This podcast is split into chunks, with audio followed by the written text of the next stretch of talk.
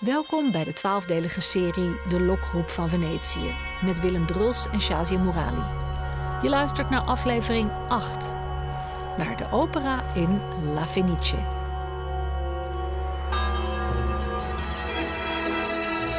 Willem, ik droomde jarenlang van Venetië en ik ben er geweest een jaar of tien. Ik zag alleen maar een toeristenmassa, kitschwinkeltjes. Ik heb de stad niet gevonden, dat gevoel dat ik zo... Ga jij mij het Venetië waar ik van heb gedroomd laten vinden? Er zijn die vele toeristen en die toeristenstromen en die winkeltjes.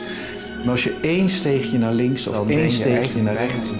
Als je een heel klein beetje weet van de geschiedenis, van de muziek, van de componisten die hier geleefd hebben. Dat elke steen een, een verhaal heeft en dat elk huis een verhaal heeft. Je je vingers in dat water aan de onderkant. Daar zitten al die geheimen en al die Als je dat weet, dan wordt die stad opeens heel anders.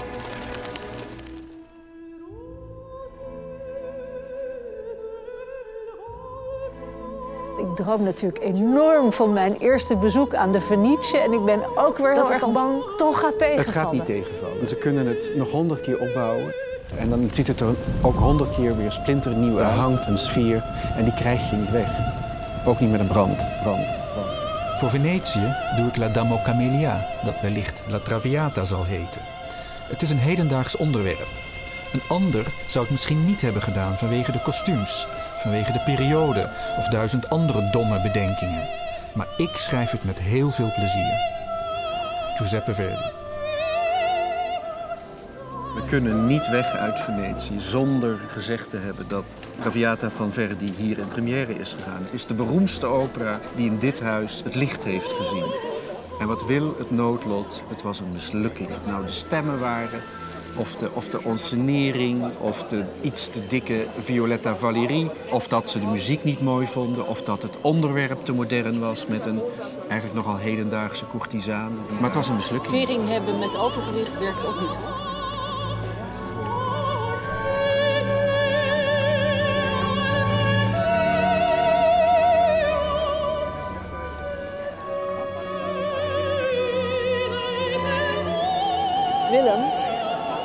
hier gaat het nou allemaal om. We staan voor het gebouw van de Felice. Ik vind het toch wel bijzonder hoor. Wat wel meteen opvalt, behalve dan die eh, adelaar, of is het een uit de hand gelopen eend? Die, eh, Hier lijkt hij in één. ja, die een bord draagt met Gran Teatro La Fenice. Is dat de manier waarop de letters de opera's aankondigen? Is wel heel erg. eh, laten we net doen alsof het vroeger is. Het ziet er vrij knullig uit, ja. Il signor Bruschino, L'Elisir d'Amore, La Traviata en Norma. Alsof het met een veer geschreven is met een schaduwtje. Ja.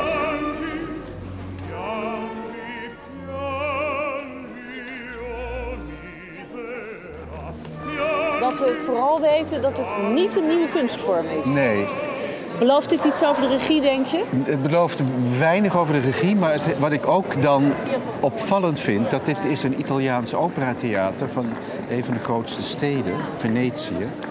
Eh, en dat, dit is het seizoen 2018. Dat zijn vier opera's.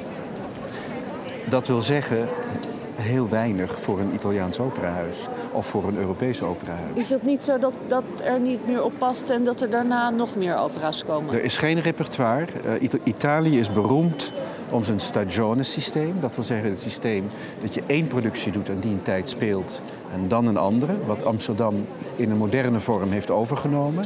En je hebt het repertoire-systeem in Duitsland, in Engeland, in, in Oostenrijk, in de Staatsoper. Waar elke avond eigenlijk een andere opera te zien is. En waar ze ongeveer 10, 15 tot 20 titels standaard in het repertoire hebben. Uh, dus dit is een stagionehuis, maar dan zou je toch denken elke maand een nieuwe opera. Of elke twee maanden. Dan heb je er al zes. Ja, Maar dit zijn er maar vier. Dit zegt iets over de staat van de kunsten in Italië en de subsidie die de culturele instellingen, de opera's dan in het bijzonder hier krijgen. Dat is niet veel geld. Het enige icoon voor de opera in Italië dat in stand wordt gehouden met redelijke subsidie is de Scala in Milaan. Omdat dat zo'n symbool is, dat, dat mag je niet laten verdwijnen.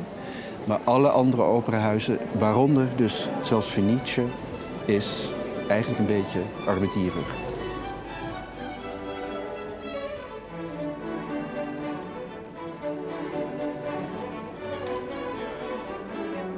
Nou heb je mij uitgelegd dat dit huis is ontstaan omdat het San Benedetto Theater was afgebrand. Dat was eigendom onder andere van de Grimani-familie. Het is alles niet in Venetië. Het Fenice heet dus zo omdat het betekent Phoenix, die verrijst uit de as. Ja, die dikke één van jou, Ja. dat is dus de Phoenix, hè? Oh, mijn hemel. Ja. Nou, Ik ben het met je eens dat hij niet helemaal geslaagd is. Bovendien weten we eigenlijk ook niet heel precies hoe een Phoenix eruit zag.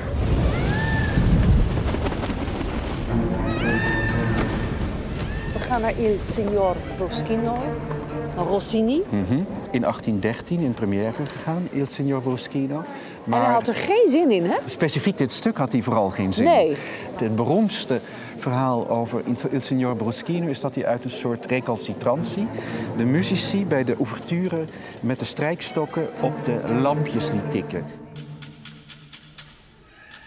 En daar was iedereen boos over en de directeur van de opera was er boos over dat Rossini dat gedaan had. En de grote ster mocht maar vier woorden zingen. De stertenor van het huis daar eiste dat hij de tenorrol van de zoon zou zingen. Dus wat in feite de helderrol is. Toen zei Rossini, prima, jij krijgt de rol van de zoon. Maar die zit eigenlijk de hele opera opgesloten. En mag er pas aan het eind uit. En dan heeft hij inderdaad vier regels te zingen. Het is een beetje een niemandalletje. Eh, En ingewikkeld qua plot.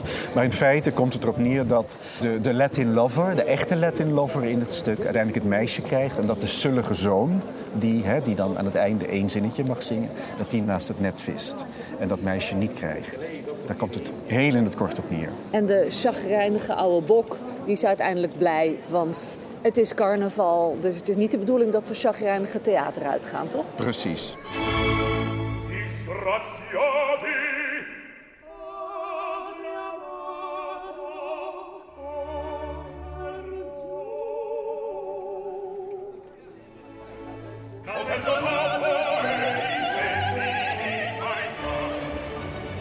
Ik ben heel benieuwd. Intussen steeds meer mensen om ons heen. Er worden enorm veel foto's gemaakt van mooie dames in glitterende kleren op de trappen. Ja. Scusi, can I ask you a question? Of course. Oké, oké. So tell me, do you go Gaat u vaak naar La Fenice? Voor mij is het de derde keer, voor haar de tweede. U kunt ook Duits spreken als dat makkelijker voor u is. Ja, maar dat hört zich toch goed aan? Maar het klinkt toch prima wat je zegt? Dat, dein Duits is perfect. Jouw Duits is perfect. Is het je eerste keer naar de opera? Is, isn't the first? Nee hoor. Hoe oud zijn jullie? 11. 11, 8 en 9. Nine. Dus iemand is acht en al drie keer naar La Scala geweest.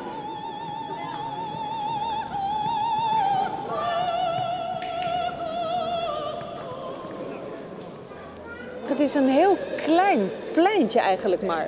Ik, ik had meer verwacht dat zo'n beroemd theater, dat, dat, dat je dan echt enorm kunt aanwandelen. Zal ik je vertellen dat deze schaal is eh, eigenlijk de reden waar wij het operatheater aan te danken hebben. En daar bedoel ik het volgende mee.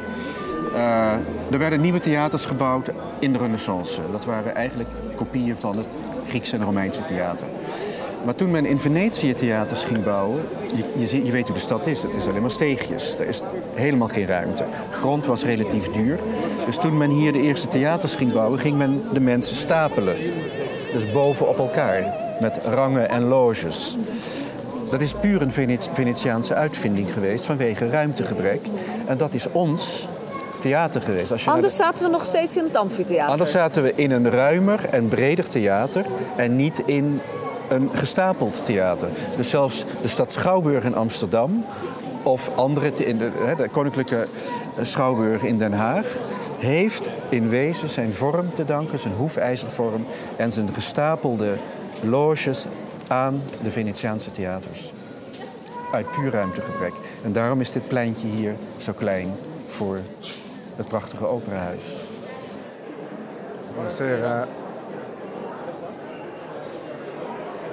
Grazie, grazie.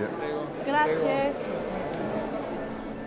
We mogen geen opname maken van deze uitvoering van Il Signor Bruschino. Nou, dus die kunnen we ook niet laten horen.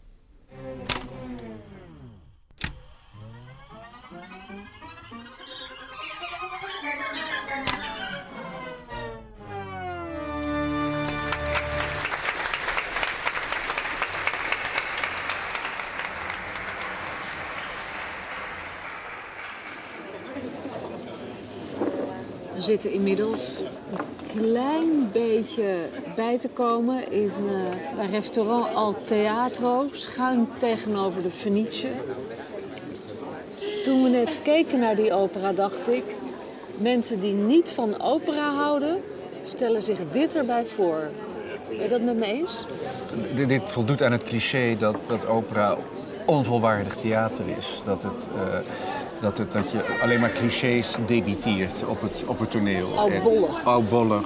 eh, ja, dit, dit deden ze 50 jaar geleden ook zo. Exact, exact hetzelfde. Zelfde bewegingen, zelfde beschilderde decorstukken.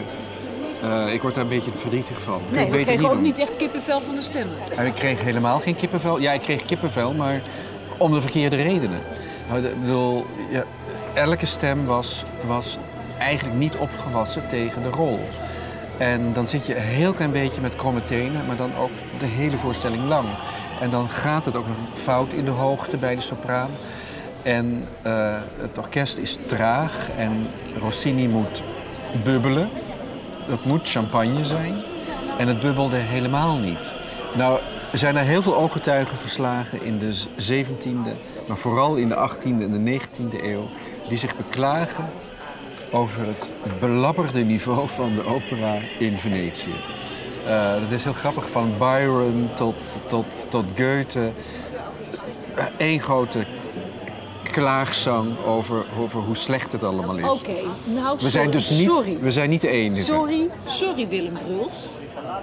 Waarom doe je hier dan al jaren research naar? Ik ben, ik ben echt lost. Ik ben verloren. In dit huis, hier achter ons, is The Rake's Progress van Igor Stravinsky in première gegaan. The Turn of the Screw van Benjamin Britten.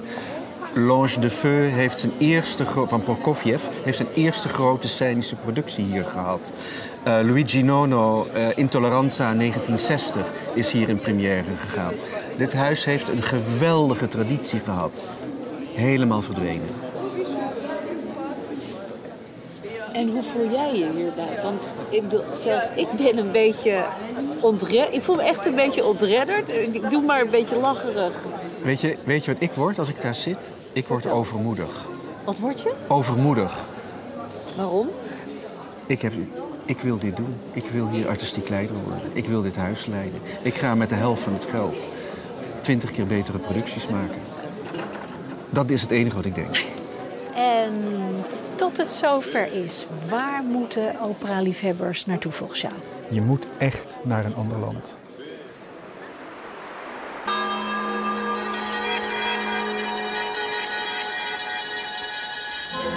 In de volgende aflevering gaan Willem Bruls en ik naar Palazzo Vendramin, waar Richard Wagner af en toe woonde en werkte en waar hij stierf. Liebe und Tragik. Dit was de achtste aflevering van de twaalfdelige serie De Lokroep van Venetië. Met Willem Bruls en Shazia Mourali. Productie en regie Aletta Becker. Sounddesign en techniek Hubert Boon. Eindredactie Frans van Gurp. En deze co-productie van NTR en Aletta Becker Producties kwam tot stand met steun van NPO Radio 4 en het NPO Fonds.